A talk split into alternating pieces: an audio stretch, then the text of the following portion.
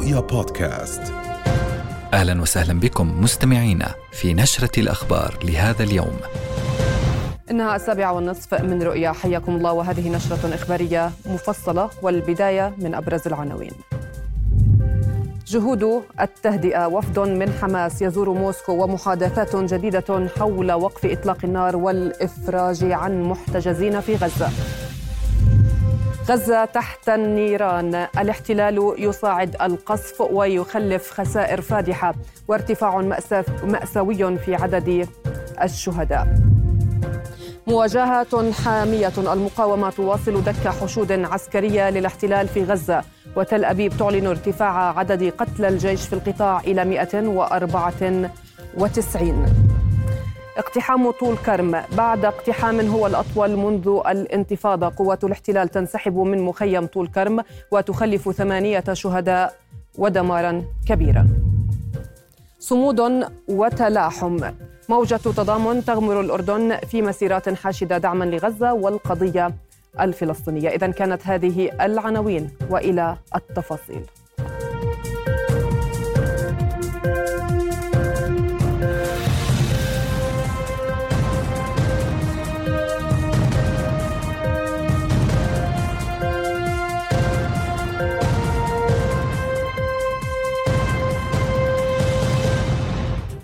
أهلا بكم. من موسكو الوجهة الجديدة لحماس هذه المرة. أكد وفد من قيادة الحركة أنه أجرى مشاورات سياسية مع الخارجية الروسية لبحث سبل وقف إطلاق النار بما يحقق إنهاء العدوان على الشعب الفلسطيني وتوضيح موقف وسياسات الحركة للتعامل مع ملف الأسرى لدى المقاومة. وأكد الوفد برئاسة رئيس مكتب العلاقات الدولية في الحركة دكتور موسى أبو مرزوق أن جرائم الاحتلال وسلوكه ضد الشعب الفلسطيني وشعوب المنطقة يشكل تهديدا خطيرا للأمن والسلم الدوليين.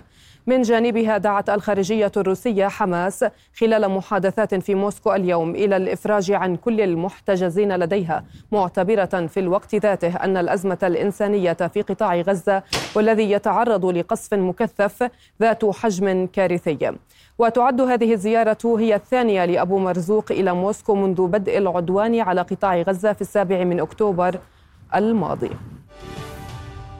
لليوم الخامس بعد المئة من الحرب على غزة تستمر آلة الحرب الإسرائيلية بنشر الدمار في كل أنحاء القطاع مع ارتفاع عدد الشهداء إلى 24620 شهيدا و61830 جريحا وسط تكثيف القصف على محافظة خان يونس جنوبية قطاع غزة. فيما أفادت وزارة الصحة بارتكاب جيش الاحتلال 15 مجزرة ضد العائلات في القطاع راح ضحيتها 172 شهيدا و326 جريحا. مضيفة أن القصف الإسرائيلي أدى إلى استشهاد 337 كادرا صحيا واعتقال 99 منهم على رأسهم مدراء مستشفيات شمال قطاع غزة. ويواصل طيران الاحتلال قصفه العنيف والمكثف على منطقة الشيخ عجلين جنوب غربية مدينة غزة. كما استهدفت المدفعية الإسرائيلية شرق المنطقة الوسطى من القطاع. إلى ذلك أعلن الهلال الأحمر عن وقوع إصابات في صفوف النازحين بمستشفى الأمل ومقر الجمعية بخان يونس جراء إطلاق نار كثيف من مسيرة إسرائيلية. ومع احتدام المعارك على امتداد القطاع أعلنت كتائب القسام عن تدمير ثلاث دبابات إسرائيلية من نوع ميركافا بعبوات شواظ شرق مدينة خان يونس جنوبية قطاع غزة. هذا واستهدف القسام أيضا دبابة إسرائيلية من نوع ميركافا كان بجوارها جنديان بقذيفة الياسين 105 ما أدى لتدميرها ومقتلهما شرق خان يونس. ووسط تمركز الاشتباكات جنوبي القطاع أعلنت القسام قنص جنديين إسرائيليين ببندقية الغول شرق مدينة خان يونس. كما قصفت سرايا القدس بوابل من قذائف الهاون تمركزا لجنود وآليات الاحتلال شرق المغازي وسط القطاع.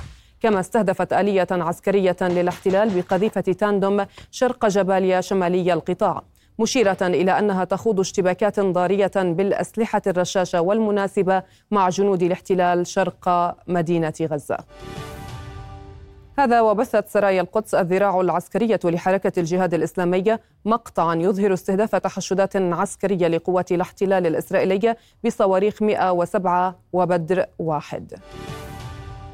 وفي غمرة تلك المعارك أقر جيش الاحتلال الإسرائيلي بمقتل جندي متأثرا بجروح أصيب بها قبل ثلاثة أيام خلال معارك جنوبي قطاع غزة.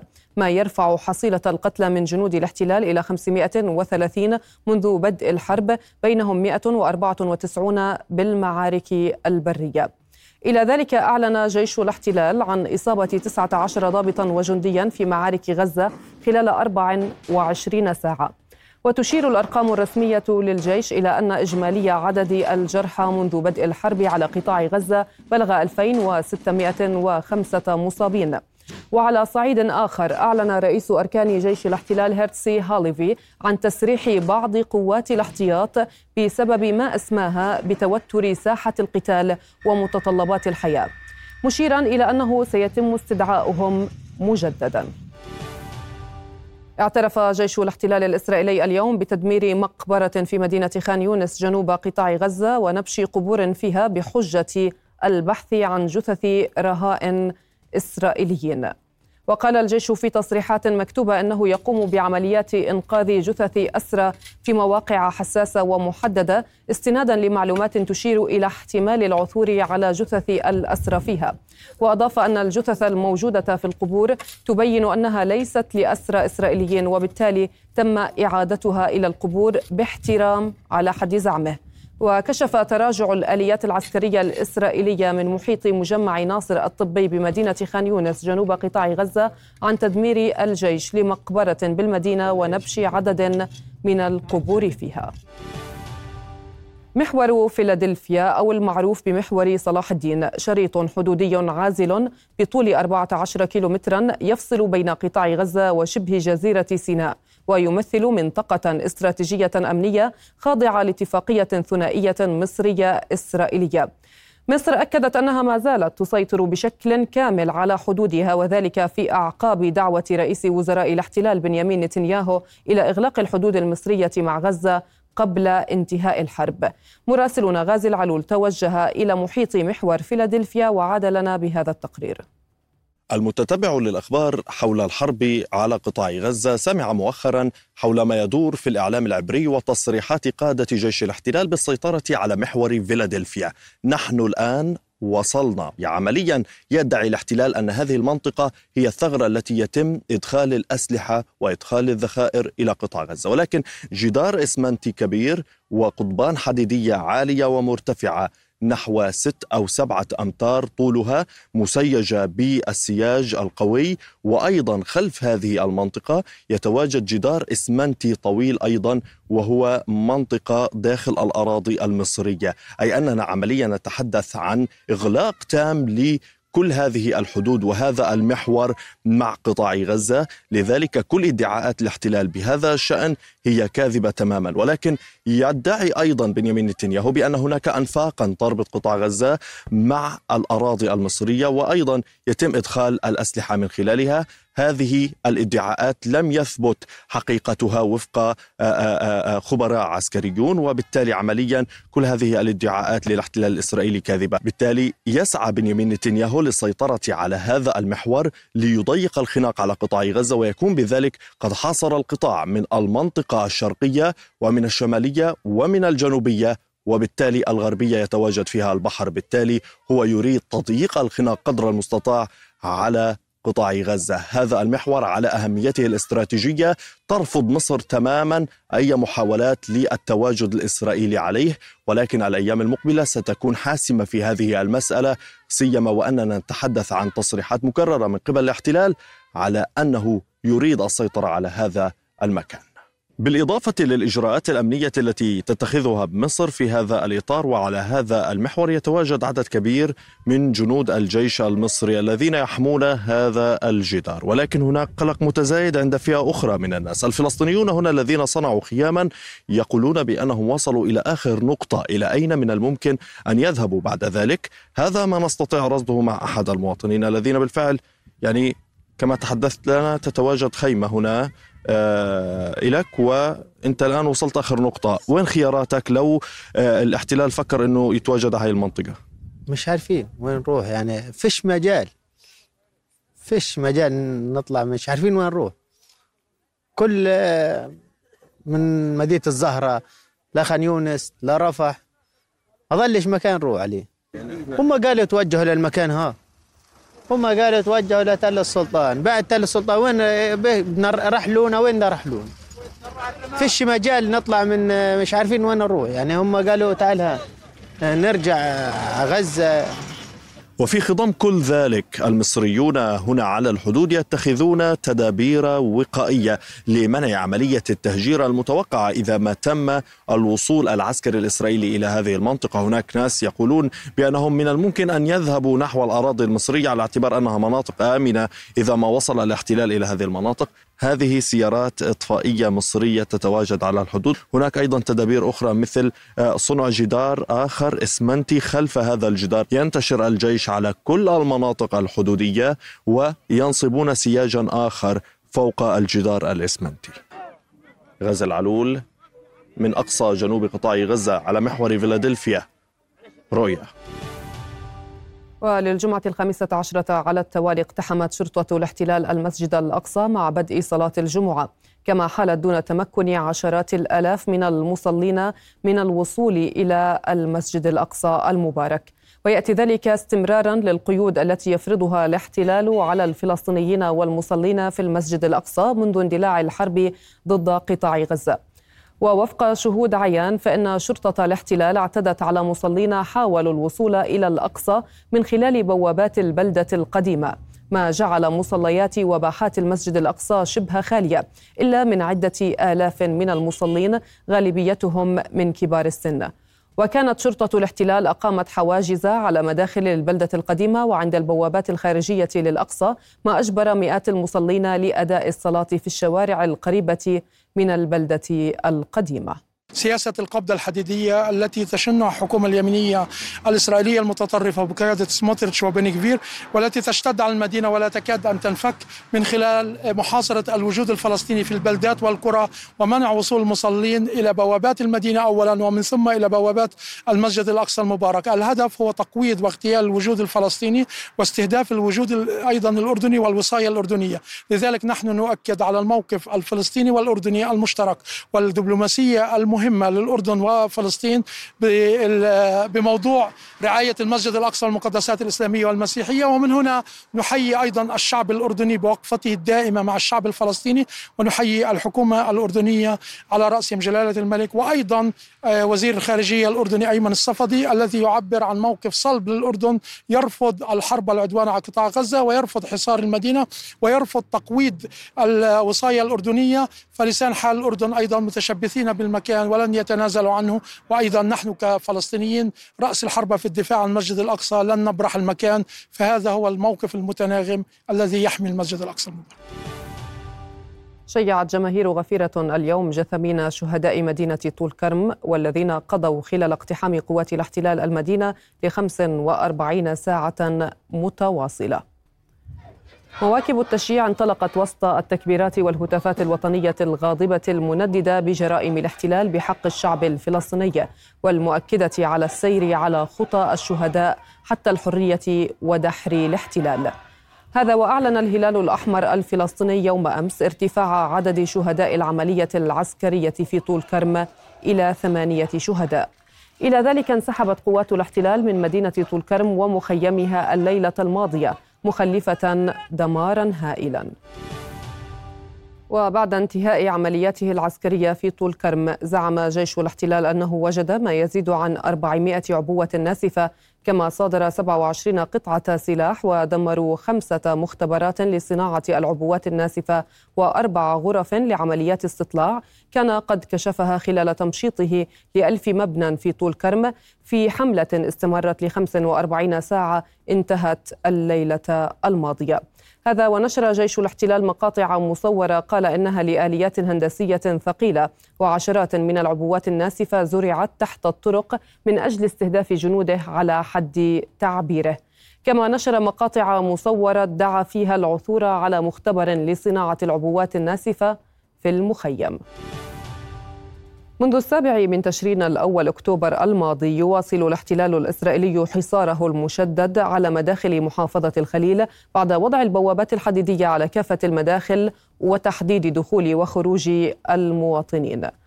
هذا ومنذ أسبوع عمل الاحتلال أيضا على تشديد الخناق على المحافظة بعد وقوع عدة عمليات حيث قام بوضع بوابات حديدية إضافية على مداخل القرى وأغلق الشوارع الفرعية بسواتر ترابية ومكعبات اسمنتيه وفي إجراءات هي الأشد منذ عام 2003 وفق متابعين لانتهاكات الاحتلال في المدينة تعيش الخليل حصارا مشددا يمنع بموجبه الخروج من المدينة أو الدخول إليها. والآن ينضم إلينا من مدينة الخليل مراسل رؤية من هناك محمد العدم. أهلا بك محمد. إذا معنا. إذا محمد هناك أنباء عن عملية لربما عملية إطلاق نار شمال مدينة رام الله. هل لديك تفاصيل حول هذه العملية حتى هذه اللحظة؟ نعم يعني مصادر إسرائيلية ذكرت بأن سيارة أحد المستوطنين تعرضت لإطلاق نار من قبل سيارة فلسطينية مسرعة في منطقة عيون الحرمية الواقعة بين محافظتي رام الله ونابلس. وقع هذا الحدث بعد قيام سيارة فلسطينية حسب بيان الجيش بإطلاق الرصاص باتجاه سيارة أحد المستوطنين خلال عبورها في منطقة عيون الحرمية مما أدى إلى إصابة السيارة بعدم الطلقات النارية؟ فيما أكد البيان بعدم وقوع إصابات. الاحتلال بعد وقوع العملية قام ب انتشار عسكري كبير في محيط المنطقة وقام بملاحقة مركبات الفلسطينيين وانتشر في الحقول الزراعية القريبة من هذه المنطقة. كما أغلق البوابات الحديدية في منطقة آه، القريبة من عيون الحرمية وهي المنطقة الواصلة باتجاه بيرزيت وباتجاه مدينة نابلس. ولم يبلغ حتى هذه اللحظة عن وقوع أي إصابات أو اعتقالات في المنطقة لكن الاحتلال قام بإغلاق هذه المنطقة التي آه، وقعت فيها العملية. وأكد بيانه أنه لم يتم إصابة أي أحد من المستوطنين. المستوطنين فقط سيارة فلسطينية مسرعة قامت بإطلاق عدة طلقات باتجاه سيارة لأحد المستوطنين ثم آه، غادرت المكان. نعم هذا بما يتعلق بمدينة رام الله. ولكن ماذا عن بقية مناطق الضفة الغربية المحتلة؟ محمد هل لديك آه، أي أنباء آه، وتفاصيل جديدة بخصوص الاقتحامات التي تتعرض لها هذه المدن؟ نعم يعني الاحتلال يواصل استباحة كافة مدن الضفة الغربية وقراها ومخيماتها آه، قبل قليل مصادر محلية أكدت بارتقاء آه، أحد الفتية بعد إصابته برصاص أحد المستوطنين في مزرعة في آه، قرية المزرعة وهي القريبة من محافظة رام الله حيث أفادت مصادر محلية بأن أحد المستوطنين تحت حماية جنود الاحتلال قام بإطلاق الرصاص باتجاه المواطنين مما أدى إلى إصابة فتى في السادس عشر من عمره برصاصة في منطقة الصدر المصادر المحلية في مستشفى رام الله الحكومي أعلنت عن استشهاده جراء إصابته الخطيرة. فيما اندلعت هناك مواجهات. معظم أرجاء الضفة الغربية شهدت عمليات اقتحام وعمليات مداهمة واشتباكات مع قوات الاحتلال ظهر هذا اليوم. آه، الأهالي في مدينة طول كرم شيعوا جثامين ثمانية من أبنائهم الشهداء الذين ارتقوا خلال العملية العسكرية التي استمرت على مدار يومين في مخيمي آه، طول كرم. ونور شمس وفي محافظة رام الله. وعفوا في محافظة طول كرم. آه، فيما انسحب الاحتلال هذا اليوم بعد عملية دمر فيها البنية التحتية بشكل كبير واقتحم المئات من المنازل وقام باعتقال عشرات الشبان واستجواب الآلاف منهم آه، خلال اقتحام مخيمي طول كرم ونور شمس في مدينة طول كرم قبل أن يسفر الاقتحام عن ارتقاء ثمانية شهداء تم تشييعهم هذا اليوم. هنا في جنوب الضفة الغربية وبالتحديد في مدينة الخليل قوات الاحتلال قامت باقتحام بلدة بيت أمر شمال المدينة وأجرت عمليات تفتيش ومداهمة لعشرات المنازل قبل أن تقوم باعتقال أحد الشبان وفتى واندلعت مواجهات مع شب مع الشبان اسفرت عن إصابة بعضهم بالرصاص المطاطي وقنابل الغاز. هذا الاقتحام أيضا شهدته مدينة دوره جنوب الضفة الغربية بعد اقتحام الاحتلال لأحد المنازل واعتقال أحد الشبان قبل انسحابها من المدينة. في سلفيه عملية اقتحام لبعض أحياء المدينة دارت مواجهات اسفرت عن إصابة اثنين من الشبان بجراح بالرصاص الحي. فيما شهدت بعض القرى في محافظة قلقيلية عمليات اقتحام وتفتيش لبعض المنازل وعمليات تحقيق ميداني يجريها الاحتلال مع الشبان ومع الأهالي في معظم أرجاء الضفة الغربية الاحتلال ما زال ينتشر بشكل كثيف على الحواجز الإسرائيلية يواصل إغلاق كل البوابات الحدية وكل الطرق الرئيسية المؤدية إلى الشوارع الاتفاقية التي تكون شوارع مشتركة بين الفلسطينيين نعم. والإسرائيليين بخصوص المعتقلين الذين يتم اعتقالهم من قبل قوات الاحتلال هل يتم اعتقالهم لأسبوع لشهر أم أنه منذ بدء عملية طوفان الأقصى من يتم اعتقاله يبقى في السجون الإسرائيلية ولا يوجد أي خبر أو أنباء عن حالهم أين يتواجدون في أي السجون يتم اعتقالهم فيها. يعني فيما يتعلق بالأسرى الفلسطينيين وعمليات الاعتقال يعني نبدأ بالحديث عن الرقم الذي وصل إليه التي وصلت إليه عمليات الاعتقال. يعني نادي الأسير أكد يوم أمس بأن قرابة ستة ألاف ونصف فلسطيني تم اعتقالهم منذ السابع من أكتوبر وهذا الرقم ربما هو الأكبر في تاريخ الصراع الفلسطيني الإسرائيلي. فيما يتعلق بطبيعة الاعتقالات الاحتلال يقسم الاعتقالات إلى مراحل. يعني نتحدث عن عملية اعتقال لعشرات الشبان وعشرات الفلسطينيين خلال عمليات الاقتحام يتم الإفراج عن غالبيتهم مع انتهاء عملية الاقتحام، أما فيما يتعلق بعمليات الاعتقال الممنهجه التي يقوم بها الاحتلال باستهداف أشخاص معينين ونشطاء وسياسيين، يقوم الاحتلال باعتقالهم وتحويلهم إلى الاعتقال الإداري، الاحتلال منذ السابع من أكتوبر انتهج سياسة تحويل المعتقلين الفلسطينيين إلى الاعتقال الإداري، أي تحويلهم للاعتقال لمدة ستة أشهر دون النظر في تفاصيل قضيتهم أو توجيهتهم لهم. فقط يتم اعتقالهم لمدة ستة أشهر بعدها يتم النظر فيما آه، سيحدث لهم. يعني آه، أما فيما يتعلق موضوع الإفراجات الاحتلال يعني آه، هنا في جنوب الضفة الغربية يعني كل أسبوع يتم الإفراج عن من 10 إلى 15 شخص من شمال الضفة الغربية. يتم إلقائهم على أحد المعابر القريبة من صريف وبالتحديد معبر الجبعة.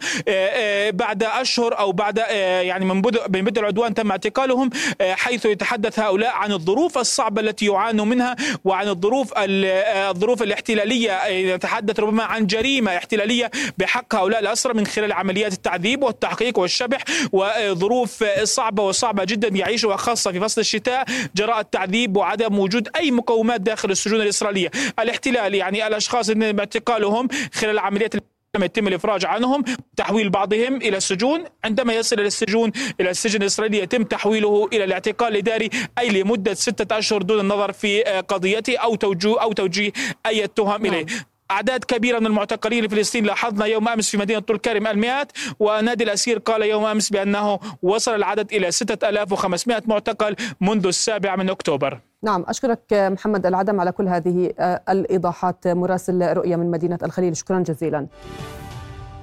في وقت تتأرجح المنطقة بشكل خطير نحو تصعيد الصراع الذي أججته الحرب في غزة.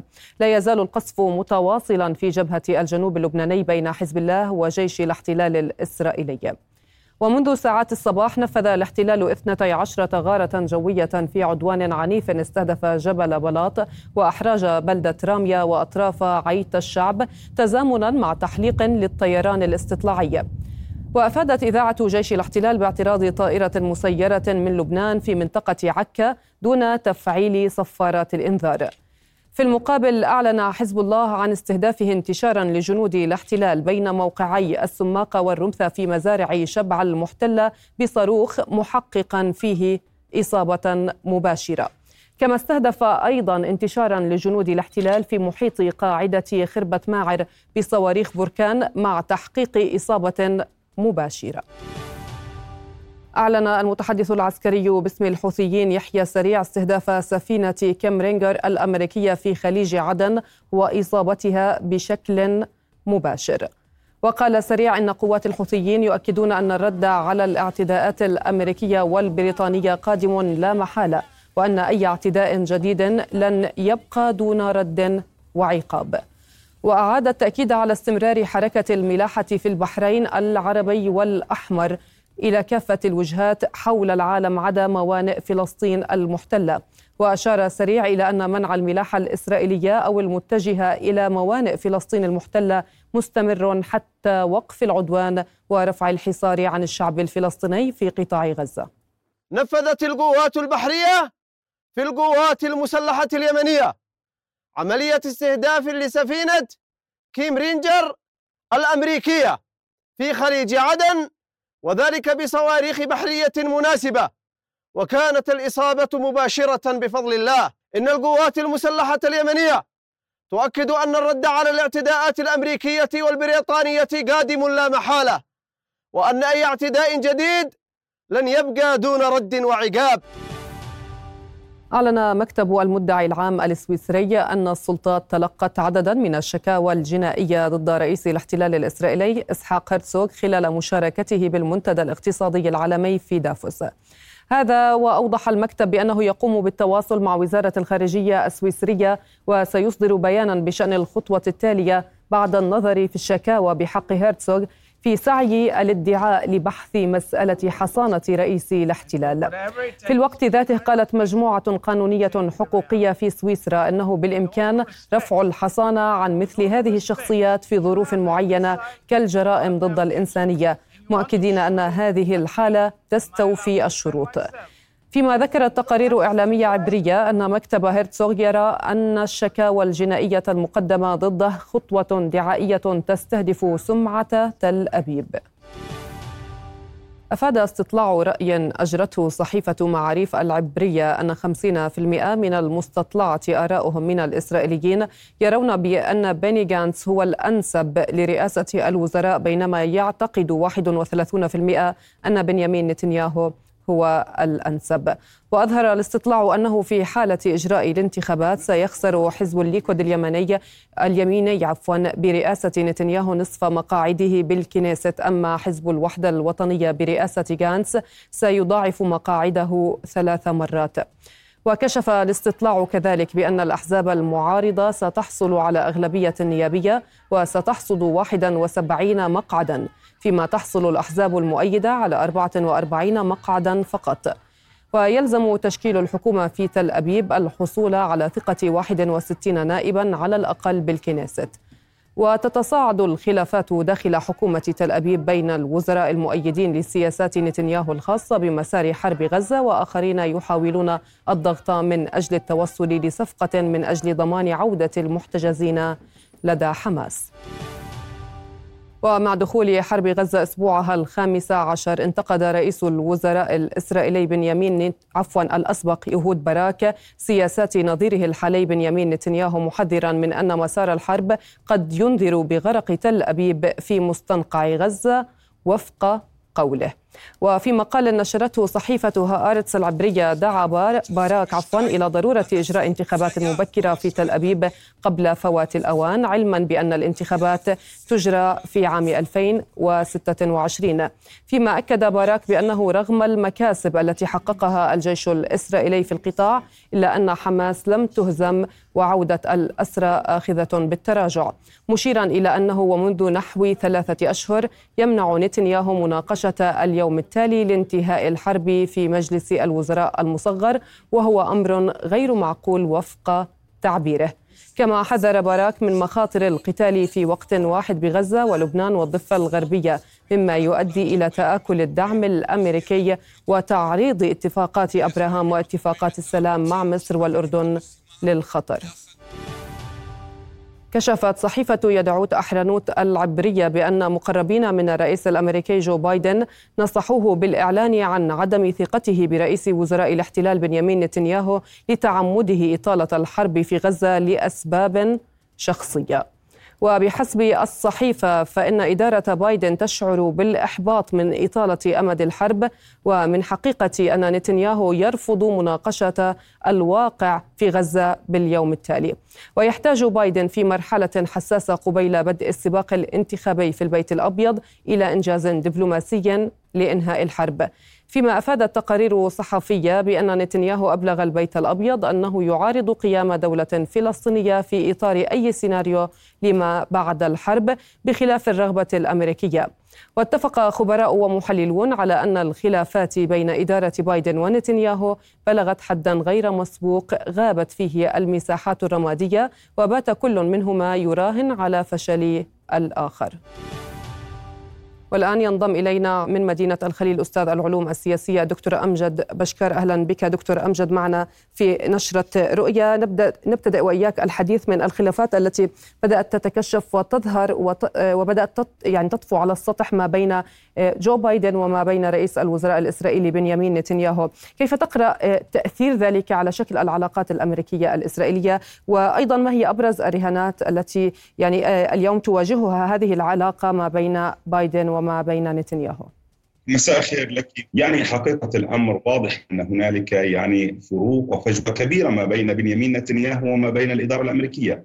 الولايات المتحدة الأمريكية باعتقادي بدأت تعلي الصوت بنصائح يعني وتتحدث بشكل كبير عن ضرورة التعايش مع إمكانية بقاء حركة حماس والعمل على تخطيط أي يعني عمل مقاوم من الحركة بالمستقبل. لأن الولايات المتحدة فعليا يعني باتت تضيق ذرعا أكثر من تصرفات الحكومة الإسرائيلية ومن رضوخ بنيامين نتنياهو للصهيونيه الدينية وبالتحديد لسموتريتش وبن جفير أنا باعتقادي أن الولايات المتحدة بدأت يعني تتطلع أن نتنياهو بدأ يتطلع لمجد شخصي على حساب الكيان وحساب دولة الاحتلال الإسرائيلي بشكل عام، لذلك أنا باعتقادي بدأت النخب السياسية الإسرائيلية اليوم مقتنعة بأن رؤيه بايدن هي فعلا لمصلحة إسرائيل.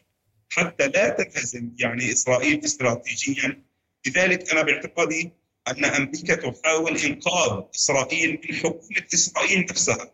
من جانب آخر يعني منذ يومين كان هنالك تسريبات أمريكية وفعليا هذه التسريبات كانت تفيد بأن الحديث اليوم يتمحور حول مستقبل إسرائيل ما بعد بنيامين نتنياهو. يعني بعدما كان الحديث والجميع يعلم يعني السابق يدور حول مستقبل غزة ما بعد حماس مضافا لذلك أنا باعتقادي أن الولايات المتحدة الأمريكية يعني قد نصحت السابع من أكتوبر إسرائيل بعدم الانتفاع بحرب برية والعمل على إجراءات خارج يعني إطار العملية العسكرية والعملية البرية.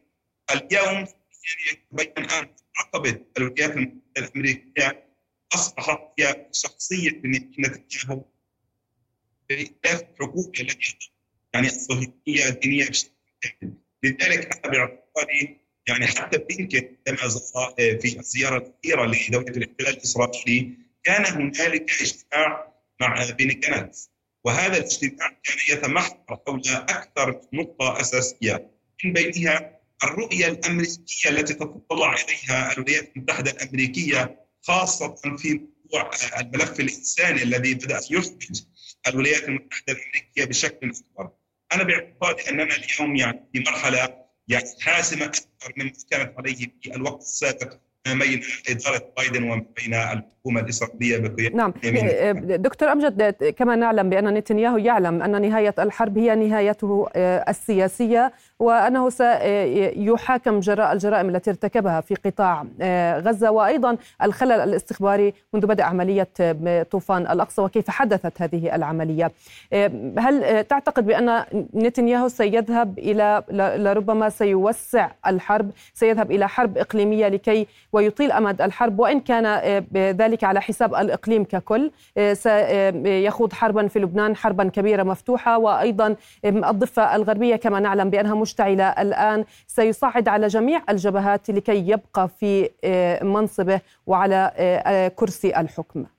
يعني بالمقام الأول أنا باعتقادي أنه بنيامين نتنياهو حاول قبل ذلك أن يقوم على توسيع الحرب وإطالة أمد الحرب بشكل كبير، هو يعلم أن هنالك ضغوطات من قبل الولايات المتحدة الأمريكية ومن بعض يعني الدول الغربية بأن لا يكون هنالك اتساع لأمد الحرب وأن يكون هنالك انتقال مرحلي فعليا في قطاع غزة لكن واضح أن اليوم نتحدث عن 150 شهيد كل يوم في قطاع غزة. لذلك كان يعني إدارة بايدن قد يعني تحدثت بشكل أكبر وأكثر وضوحا مع دولة الاحتلال الإسرائيلي بأنها يعني فعليا تضيق ذرعا من هذه التصرفات. لذلك يعني هي سعت بالتحديد يعني شخصية بنيامين نتنياهو لأن يفتح الجبهة بالتحالف مع جالنت مع الجبهة الشمالية في لبنان. لذلك أنا أعتقد هذا يعني جاء بالتزامن أيضا مع بعض التصريحات الأمريكية والتسريبات التي كانت قبل 48 ساعة من الآن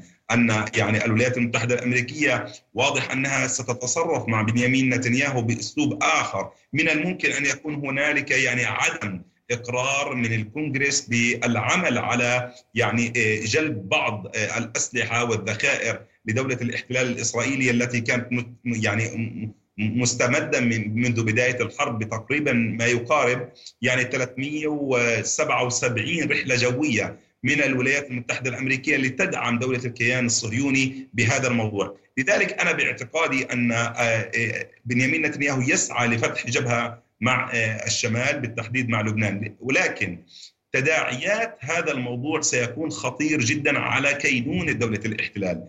يعني اليوم صباحا خرج رئيس بلدية حيفا ليتحدث إن كان هنالك فعليا يعني حديث عن فتح جبهة مع لبنان علينا أن ننسى رقم 1400 قتيل في السابع من أكتوبر لأننا سنتجاوز هذا العدد خلال أيام قليلة لأن يعني حزب الله يمتلك يعني 150 ألف صاروخ من بينها 50 ألف صاروخ يعني دقيق ومحدد ومباشر.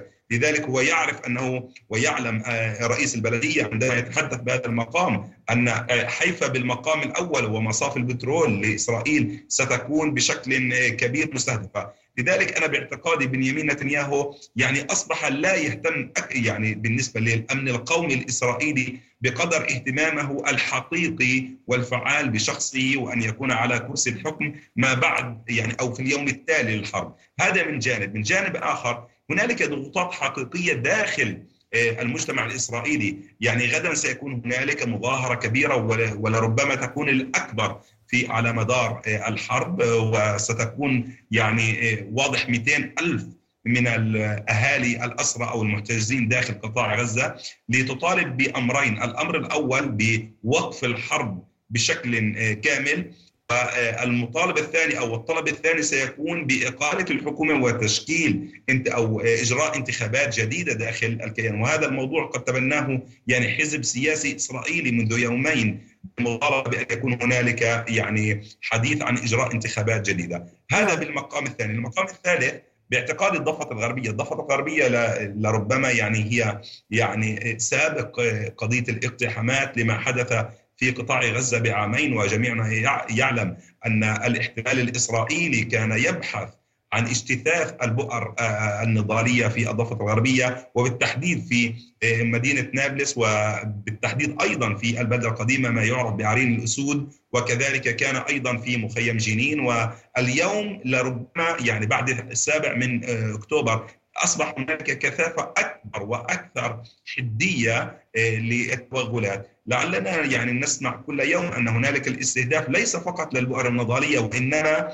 استهداف حقيقي للحاضنة الجماهيرية. بمعنى هي تحاول قدر الإمكان عند دخول أي مكان في الضفة الغربية أن تهدم وتدمر كل البنية التحتية لعلمها أو لحساب لدى يعني صانع القرار الإسرائيلي أن الضغط الجماهيري لربما يعني سيولد تآلب أو تكالب كبير من قبل الجماهير والحاضنة الجماهيرية على المقاومة، لكن هذا باعتقادي يعني نعم. يعني سياسه أو عمل آه، قديم جديد لربما كان في الانتفاضتين الأولى والثانية وكان يعني قد أفضى بالنهاية وبالمحصلة أن يكون هنالك التفاف أكثر على آه، البؤر النضالية. نعم. الموضوع الأخير وربما نختم بهذا الموضوع فقط بهذه النقطة تفضل. أن آه، الموضوع المهم أن هذه البؤر هي ناشئة وليست بؤر فصائلية، الاحتلال الإسرائيلي لم يعتد على يعني مقاومة هذه البؤر الناشئة التي لم يكن هنالك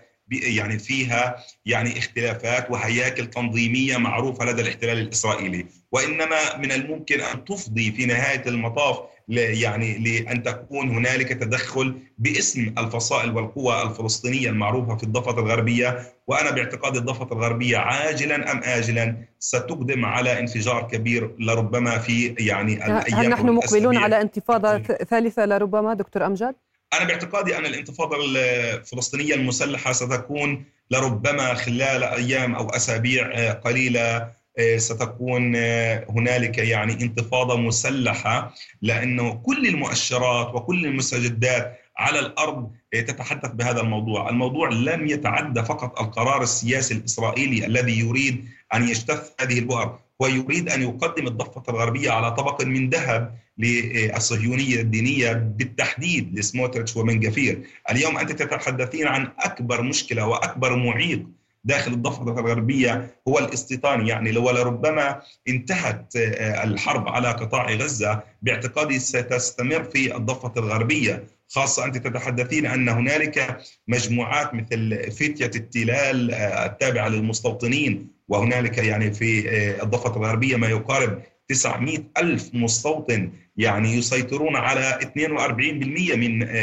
الأراضي في الضفة الغربية يسيطرون على 49% من الطرق الخاصة في الضفة الغربية لصالح المستوطنات يسيطرون على 90% من الغابات والأحراش التابعة للضفة الغربية لصالح المستوطنات. أنت تتحدثين عن جغرافيا متصلة ما بين الفلسطينيين وما بين المستوطنين. هذا الأمر لا يمكن أن يحل وأنا باعتقادي أن الضفة الغربية مقبلة بشكل كبير على انفجار أكبر مما هو عليه الآن. نعم. ننتقل بالحديث عن تصريحات كان هناك تصريحات أمريكية بشأن قيام دولة فلسطينية مستقلة وقالت يعني هذه التصريحات تقول بأنه لا سبيل لإنهاء تحديات إسرائيل الأمنية دون دولة فلسطينية مستقلة. بالمقابل بنيامين نتنياهو يعني كان له تصريح ويعني أبلغ واشنطن بهذا التصريح بأنه يرفض رفضا قاطعا قيام دولة فلسطينية مستقلة. سؤالي لك هل رفض نتنياهو لإقامة دولة فلسطينية مستقلة سيؤثر يؤثر على حجم المساعدات الأمريكية لتل أبيب؟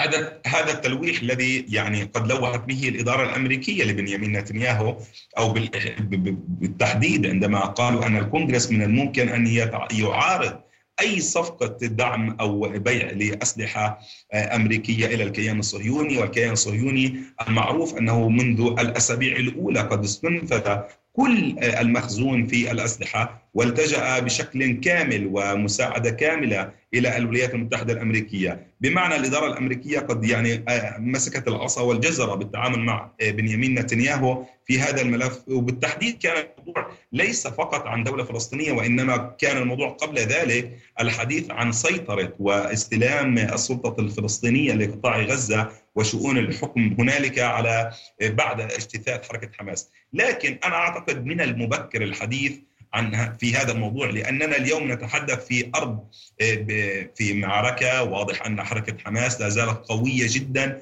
والمقاومة الفلسطينية ما زالت قوية والمقدرات العسكرية ما زالت يعني فعليا آه، قوية ويثخن آه، المقاومة تثخن فعليا في الاحتلال الإسرائيلي. هذا من جانب، من جانب آخر حتى بنيامين نتنياهو هو يحارب السلطة الفلسطينية اليوم كما يحارب أي طرف آخر. هو يعني تخيل هنالك في الأراضي الفلسطينية برنامجين، برنامج السلطة الفلسطينية المعروف بالحل السياسي وما إلى ذلك وينبذ حتى المقاومة، وفي الجانب الآخر هنالك فصائل مقاومة تؤمن أن التحرير لا يمكن إلا أن يكون بالكفاح المسلح، الاحتلال الإسرائيلي لا يريد لا هذا البرنامج ولا يريد هذا البرنامج، الموضوع ليس فقط إقامة دولة فلسطينية. أنا باعتقادي إقامة الدولة الفلسطينية أصبح شبه مستحيل لعدة أسباب.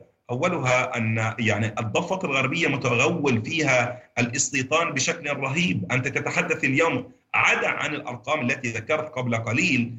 هنالك مصطلح جديد يعني واضح أنه قد أقر بالكنيسة الإسرائيلي وهو البؤر الريعية. بمعنى حتى الاحتلال الإسرائيلي أصبح يشرعن الاستيطان والبؤر الريعية التي يعني بالقانون الإسرائيلي غير مصرح بها وغير مشرعا، مثلا يعني راعي من المستوطنين من الممكن أن يكون معه 20 أو 200 أو كذا رأس من المواشي من الممكن أن يستقر على رأس جبل معين في موقع استراتيجي. وأينما وصل هذه وصلت هذه الماشية تكون هذه ملك الخاص بعد سنتين ثلاثة سنوات يكون هنالك تشريع بالكنيسة لضم هذه البؤرة. بمعنى تبدأ بؤرة ريعية آه، ترعى الأغنام ومن ثم تصبح هذه مستوطنة معترف بها من قبل الاحتلال الإسرائيلي. فعلى أي أساس يتحدثون عن دولة فلسطينية والواقع يقول في الضفة الغربية أنه من المستحيل إقامة هذه الدولة, الدولة بما أن الاستيطان بما يعني واضح أنه قد يعني استشرى بشكل كبير في الأراضي الفلسطينية. نعم. دكتور أمجد وفد من حماس اليوم في زيارة إلى موسكو. هل تعتقد بأن هذه الزيارة لربما ستفضي إلى إنهاء وقف الحرب على قطاع غزة كون أن يعني كان جل هذا الاجتماع ما بين روسيا وما بين وفد من حماس يتحدث عن وقف إطلاق النار ولكن بعجالة دكتور. الموضوع يعني واضح انه نحن اليوم في العالم لا زلنا في أحاد القطبية. مع احترامنا لروسيا هي فاعل من الفواعل الرئيسية في العالم لكن ليس بيدها أن يعني يكون كأدوات ضغط على دولة الاحتلال أو على بعض الدول في المجتمع الدولي لكي توقف الحرب. أنا باعتقادي إذا الولايات المتحدة الأمريكية بمكوناتها ودعمها وما إلى ذلك لم تستطع أن لم تطلب حتى أن تقف الحرب وإنما طلبت أن يكون هنالك انتقال إلى مراحل أخرى. باعتقادي أن الزيارة آه، كانت مسبقا هنالك زيارات تتحدث عن عدة مواضيع ربما يعني التحالفات الإقليمية في الإقليم خاصة بما يتعلق بتحالفات إيران وما إلى ذلك، بالإضافة كان هنالك اجتماع مسبق قبل عامين يتحدث عن المصالحة الفلسطينية الداخلية، باعتقادي لا يمكن أن تفضي هذه الزيارة على وقف إطلاق النار بما أن الفاعل الرئيسي الولايات المتحدة الأمريكية لا زال يعني يغطي كل آه، أفعال دولة الاحتلال الإسرائيلي وشرعنه كل ما تقوم به دولة الاحتلال في هذا المقام. نعم أشكرك جزيل الشكر أستاذ العلوم السياسية دكتور أمجد بشكار كنت معنا شكرا جزيلا.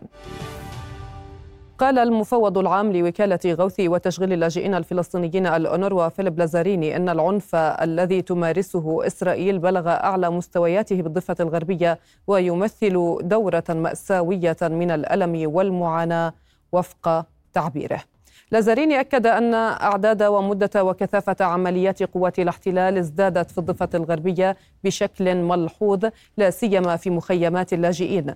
وأشار لازاريني إلى أن قوات الاحتلال قتلت ما لا يقل عن تسعين طفلا فقط خلال المئة يوم الماضية بالضفة الغربية مشددا على صعوبة تتبع أعداد الفلسطينيين الذين تقتلهم إسرائيل نظرا لمدى انتشار العنف بالضفة.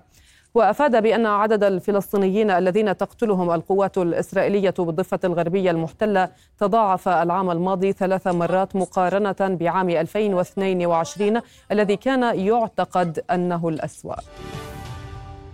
قالت المقررة الخاصة للأمم المتحدة المعنية بحالة حقوق الإنسان في الأراضي الفلسطينية المحتلة فرانشيسكا ألبانيز إن الاحتلال الإسرائيلي انتهك القانون الدولي بقصفه العنيف لغزة والذي أدى إلى تسوية أحياء بالأرض وقتل آلاف الفلسطينيين. ونقلت هيئة البي بي سي اليوم عن ألبانيز خلال مؤتمر صحفي في مدريد اتهامها تل أبيب بارتكاب العديد من الأفعال غير القانونية إلى حد كبير.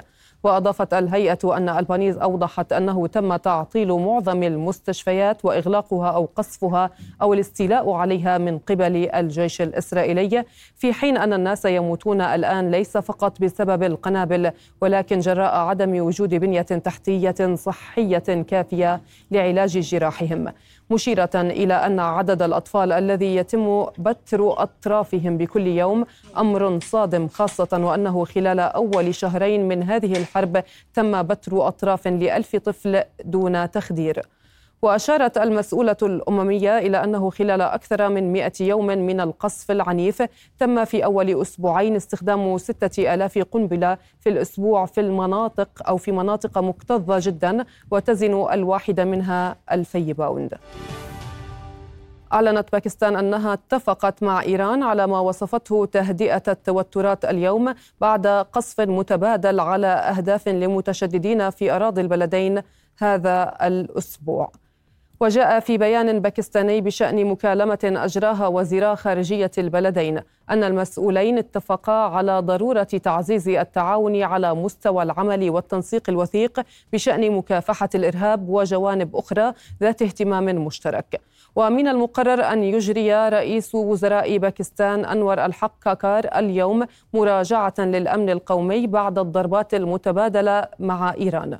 وكانت ضربات باكستان أمس على إيران هجوما انتقاميا بعد يومين من ضرب طهران قواعد داخل الأراضي الباكستانية. ودعت الأمم المتحدة والولايات المتحدة إلى ضبط النفس بينما عرضت الصين التوسط بين البلدين. واصل الأردنيون اليوم احتشاداتهم ومسيراتهم التضامنية مع الشعب الفلسطيني واحتجاجا على عدوان الاحتلال الإسرائيلي على قطاع غزة والضفة الغربية المحتلة.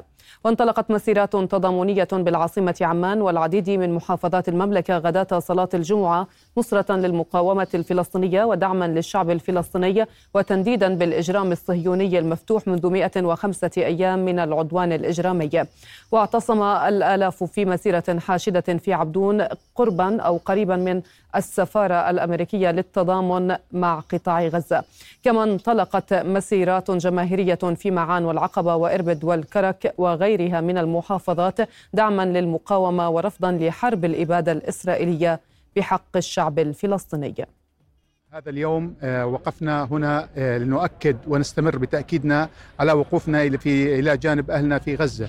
آه، داعين المجتمع الدولي وداعين الدول العربية إلى وقف إلى السعي إلى وقف هذه المجزرة التي فاقت بوحشيتها كل ما حدث في في في العالم على مدار السنوات السابقة على مدار مئة عام السابقة هذه أكثر وحشية منها. حاليا في محافظة عقبة نحن مستمرين في هذه الوقفات الاحتجاجية وبعد ما مرور أكثر من 105 أيام على هذه المجزرة الصهيونية التي تستهدف إخوتنا في آه، آه، غزة وفي فلسطين بشكل عام آه، نحن نقف خلف قيادتنا الهاشمية ونقف خلف الدور الأردني والدبلوماسية الأردنية في إيجاد كافة الحلول لهذه القضية. ونأمل من الله العلي القدير أن يخفف على أهلنا في غزة وأن ينصرهم وأن نتجاوز هذه الحرب الإجرامية. هذا الوقفة مستمرة من 7 أكتوبر إلى اليوم تضامنا مع أهلنا في غزة ودعما لصمودهم وصمود المقاومة البطلة اللي أنجزت على الأرض منجزات ومكتسبات. سنحصد ثمارها في المستقبل القريب إن شاء الله. تعبير عن هذا نبض هذا الشعب اللي يقف قلبا وقالبا مع قضية فلسطين ومع دمها مما قبل ثورة البراق 1936 وحتى تحرير فلسطين على أرضها الكاملة من شاء بإذن الله من النهر إلى البحر هذا الصمود الأسطوري يستدعي وقفة كل شرفاء العالم وشرفاء الأمة العربية ناهيك عن هذا الوطن العزيز القوي بهذا الشعب وهذه الرؤية الشاملة الحاضنة لفلسطين. تأكيدا على حق الفلسطيني في العودة والتعويض وفقا لقرارات الأمم المتحدة خاصة القرار رقم 194 ورفضهم التوطين والتهجير. يستمر سكان مخيم البقعة بتنظيم المسيرات والفعاليات الرافضة للعدوان الغاشم على قطاع غزة والضفة الغربية منذ إطلاق معركة طوفان الأقصى. كان لمعركة طوفان الأقصى تأثيرا كبيرا في الحياة اليومية للشعب الأردني وفلسطيني الشتات خاصة في المخيمات ومنها مخيم البقعة الذي لم يعرف السلام منذ بداية العدوان على القطاع المنكوب والضفة الغربية. سيما وإن كثيرين هنا لديهم أقارب تحت تهديد القصف أو باتوا تحت الركام. لن نتنازل لن نسامح لن نصالح أبدا حتى عودة فلسطين كل فلسطين. هذا المخيم بأبنائه وشبابه وشيابه سيكون عنوان لعودة فلسطين إن شاء الله. يسكن المخيم الذي أنشئ في أعقاب حرب 67 أكثر من 130 ألف نسمة ويعرف أيضا بمخيم الشتات الفلسطيني أو مخيم العودة الذي يحمل اسمه دلالة إصرار الفلسطيني وتمسكه بأرضه. الرسالة لكل العالم على أنه مخيم البقعة هو أحد أبناء فلسطين هو ليس متضامن بقدر ما هو صاحب قضية. الآن إحنا بمخيم البقعة بنشهد أيضا على 100 يوم من نضال شعبنا الفلسطيني 100 يوم من التحدي 100 يوم من إيصال الرسائل العديدة كانت سياسية كانت إعلامية حتى كانت من خلال المقاطعة ما زال كمان أيضا أبناء المخيم بخوضوا حرب مقاطعة للمنتجات الداعمة لهذا الكيان الصهيوني. أيضا مخيمنا قاعد بوصل رسائل للجيش الإسرائيلي بأنه الفكرة اللي بنت عليها طوفان الأقصى ما زالت مستمرة حتى بالخارج. إحنا اليوم باحتضان المملكة الأردنية الهاشمية كمان بنوصل رسائل للقادة للسياسيين بأنه أبناء المخيمات الفلسطينية ما زالوا أيضا متمسكين بحق العودة هو الحق المقدس اللي شرعته كل القوانين. يشارك في هذه التظاهرات نساء وأطفال وشباب وشيوخ لم يتوانوا عن أداء أدنى واجباتهم تجاه قضيتهم الأم. إذ علم الأجداد ابنائهم حب قضيتهم وهم يحملونها كجزء لا يتجزأ من هويتهم وليسوا مجرد متضامنين معها مما يجعل قضية فلسطين راسخة في وجدانهم وساكنة في أرواحهم. تثير حوادث الدهس في كل عام الرأي العام جراء زيادة أعدادها ونتائجها المؤلمة على المواطنين. الوقاية من حوادث الدعس وتجنبها لا ينحصر بإيجاد تشريع فقط. وإنما بمنظومة متكاملة تتعلق بأخلاقيات العنصر البشري وتوفر البنى التحتية للمرور. دعسني وتركني ملقاة على الأرض. هذا ما سردته الطالبة الجامعية إيمان بعد تعرضها للدعس في منطقة مجمع المحطة. على إثره فقدت الشابة أسنانها وأصيب كبدها بالتهتك. اللي صار معي صار معي تهتك بالكبد درجة رابعة. صار عندي كسور بالأسنان فقدت ست أسنان وفي لسه أسنان بتتخلل بتتخلخل. وصار عندي آه، جروح هون احتاجت لقطب قطب جراحية. صار عندي هون كمان جروح هاي آه، خيطوها داخلي وخارجي. طبعا هاي لهسه خدرانة. هاي أبدا مش حاس فيها لهون لهون. ولا هاي. يعني طبعا الإحساس فيهم معدوم. وهاي كمان صار عندي هون جرح. نسيوا يخيطوه هذا تبع الجرح. صار عندي نزيف بملتحمة العين عيني كانت كتير حمراء. صار عندي كسور بالفك حكوا لي إنه في كسر في الوجنة وكسر بهون. وطبعا راجعنا أطباء إنه إحنا نحاول نبلش بال بالعلاج خارجي لأنه هو طبعا المستشفى ما له دخل بالحوادث وما بيغطي هاي الأشياء وهاي لازم نسويها عند دكاترة خارج خاص.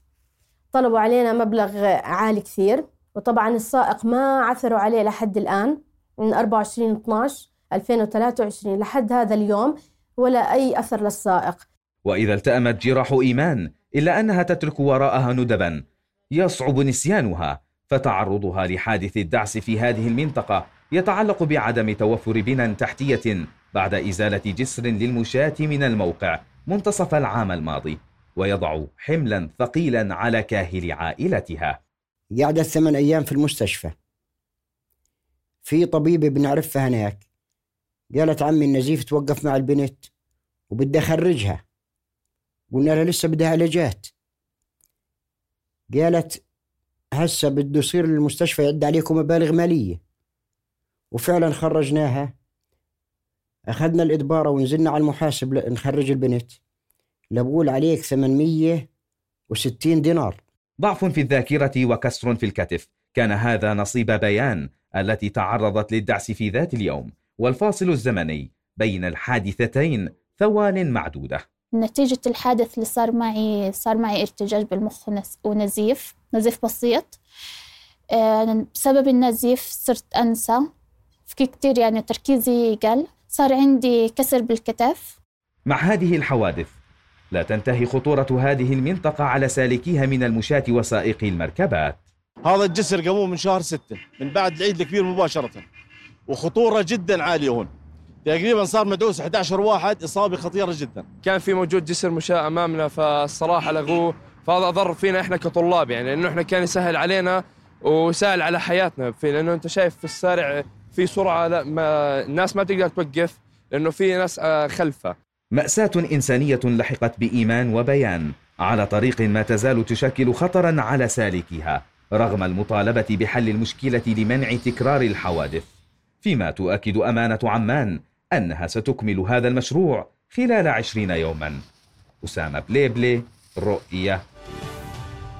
تشهد المناطق التابعة لبلدية بني عبيد في محافظة إربد تراجعا في مستوى الخدمات وبشكل خاص البيئية منها.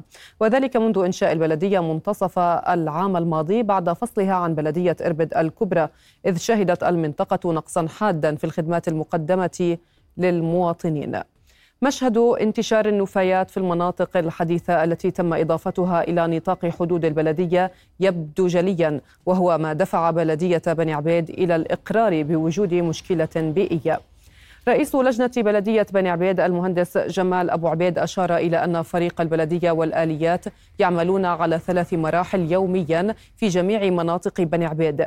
ولكن حجم النفايات يتجاوز القدرة الاستيعابية للكابسات المتاحة في المنطقة. وأضاف أن الآليات تجمع يوميا 220 طنا من النفايات. شوارع حكمة تشكل خطرا على حركة المركبات والمشاة. ورغم تقديم مئات الشكاوى من قبل سكان المنطقة إلى بلدية إربد الكبرى إلا أن هذه الشكاوى لم تلق ردا ما أدى إلى تفاقم الوضع الذي يعيشه سكان الحي. لمرة واحدة خلال العشر سنوات الماضية عبدت شوارع قرية حكمة شرق مدينة إربد ولكن هذا التعبيد بحسب مستخدميها لم يكن كافيا. فقد وضعت قشرة إسفلتية ضعيفة الجودة لا تحتمل التغيرات الجوية مما تسبب في تشكيل حفر عميقة وتجمعات للطين مكونة خطرا على حركة المركبات والمشاة. إلي عشر سنين ساكن بهاي المنطقة. زفتوها قشرة أول ما سكننا قبل عشر سنين ولغاية اليوم قديش بنراجع ما حدا معبرنا نهائيا مع إنه بندفع مسقفات وضريبة. وقبل فترة راحوا الحي سكان الحي قابلوا رئيس البلدية وقال لهم ليش أنتم بتسكنوا بمناطق زراعية؟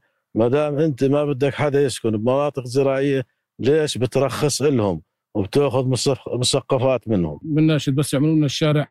نصير فوت ونطلع فيه.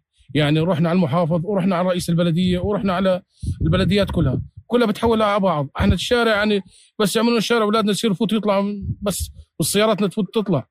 يعني قد ما هذا نتغلب حتى الدفاع المدني والله هي أكثرية بس نروح الدكاترة سنطلب دفاع المدني. من ناحية أخرى تقول بلدية اربد الكبرى إن هذه الشوارع تقع خارج حدود التنظيم البلدي وداخل حدود البلدية. رابطة تنفيذ أعمال تعبيدها بموافقة وزارة الإدارة المحلية. لا يمكن للبلدية أن تقوم بتعبيد الطرق الواقعة خارج التنظيم وداخل حدود البلدية إلا في حال تحقق شروط معينة. من أبرز هذه الشروط أن تكون الطريق تخدم ما لا يقل عن عشر منازل وأن يوافق جميع أصحاب قطع الأراضي التي تمر بها الطريق على دفع ما يترتب عليه من تحققات. أن يتم فتح سعة الطريق بعرض لا يتجاوز 6 متر وأن لا يزيد طولها عن 1 كيلو متر في حال تحققت جميع هذه الشروط يقوم أهالي المنطقة بالاستدعاء لدى البلدية وتحول إلى وزارة الشؤون المحلية التي تقوم بتشكيل آه، وزارة الإدارة المحلية التي تقوم بتشكيل لجنة مختصة لدراسة واقع الحال وتقر تعبيد الطريق من عدمه. يأمل سكان الحي الشرقي من إربد الذي يقع على بعد حوالي 25 كيلومترا من مركز المحافظة. أن يصل صوتهم إلى الجهات المعنية لاتخاذ إجراءات فورية لتحسين وضع البنية التحتية في الحي. ضرار غنام رؤيا. يتعمد جيش الاحتلال زعزعة نفوس الغزيين في محاولة للسيطرة على عزيمتهم فلا منزل يأويهم اليوم. ولا مكان للعبادة أو حتى للعلم والعمل. فقد دمر الاحتلال القطاع وعاث به خرابا. خوف وبكاء ألم وفراق قصف ودمار وتشريد أوضاع إنسانية مأساوية. هذه كوابيس يعيشها الغزيون في عالم حقيقي لا يعرف معنى العدالة والإنسانية. مئة يوم حملت في جعبتها نحو ألفي مجزرة بحق الغزيين. وها نحن في أسبوع ما بعد المئة ولا زلنا نستمع إلى إحصائيات مرعبة لوزارة الصحة في غزة تجعل الحديث عن الصحة النفسية أمرا يجب النظر فيه. فلا يوجد الآن منزل يؤوي ولا مكان للعبادة أو حتى مستقبل في العلم والعمل. باتت اليوم كسرة خبز هما يحمله الأبوان لسد جوع أطفالهما. حتى الأطفال باتوا يحلمون في قطعة قماش تقيهم من البرد القارس في ظل الحرمان الأصعب في التاريخ. بردانة؟ بردانة؟ هذا عيان لو جبته من قسم الأطفال. 13 نفر موجودين في غرفة داخل مدرسة لحالهم. صحيح. المدرسة طالعة وهم ما قدروا يطلعوا. صحيح. مدرسة كمال ناصر في خان. كمال ناصر في خان يونس. من بينهم طفلة رضيعة عمرها سنة. صحيح. وأمهم شهيدة في نفس الغرفة جنبهم إلها أيام. كلام صحيح. ولا يوجد عندهم لا طعام ولا ماء ولا غطاء يغطيهم من البرد القارس وزارة الصحة الفلسطينية أفادت في وقت سابق بأن الصدمات النفسية التي يعيشها الغزيون ستمتد آثارها لفترات طويلة حتى تتعافى من المعاناة، لافتة إلى أن جيش الاحتلال يتعمد إدخال الرعب في نفوس المواطنين في محاولة لإيقاع أكبر عدد من الخسائر البشرية. يوسف يا الله! وديتها على المستشفى هي وجوزك وديتها تقلقيش. وديتها وديتها.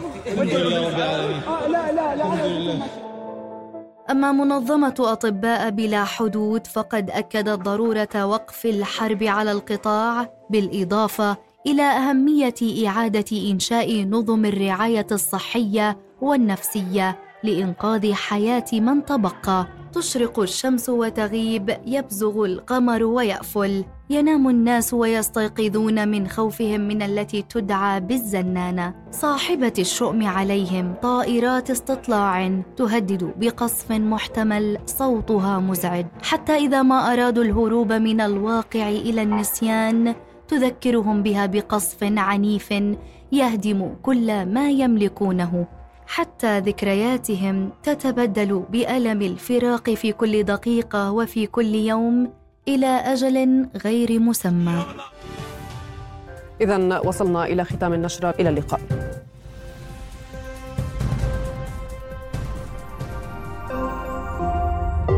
رؤيا بودكاست.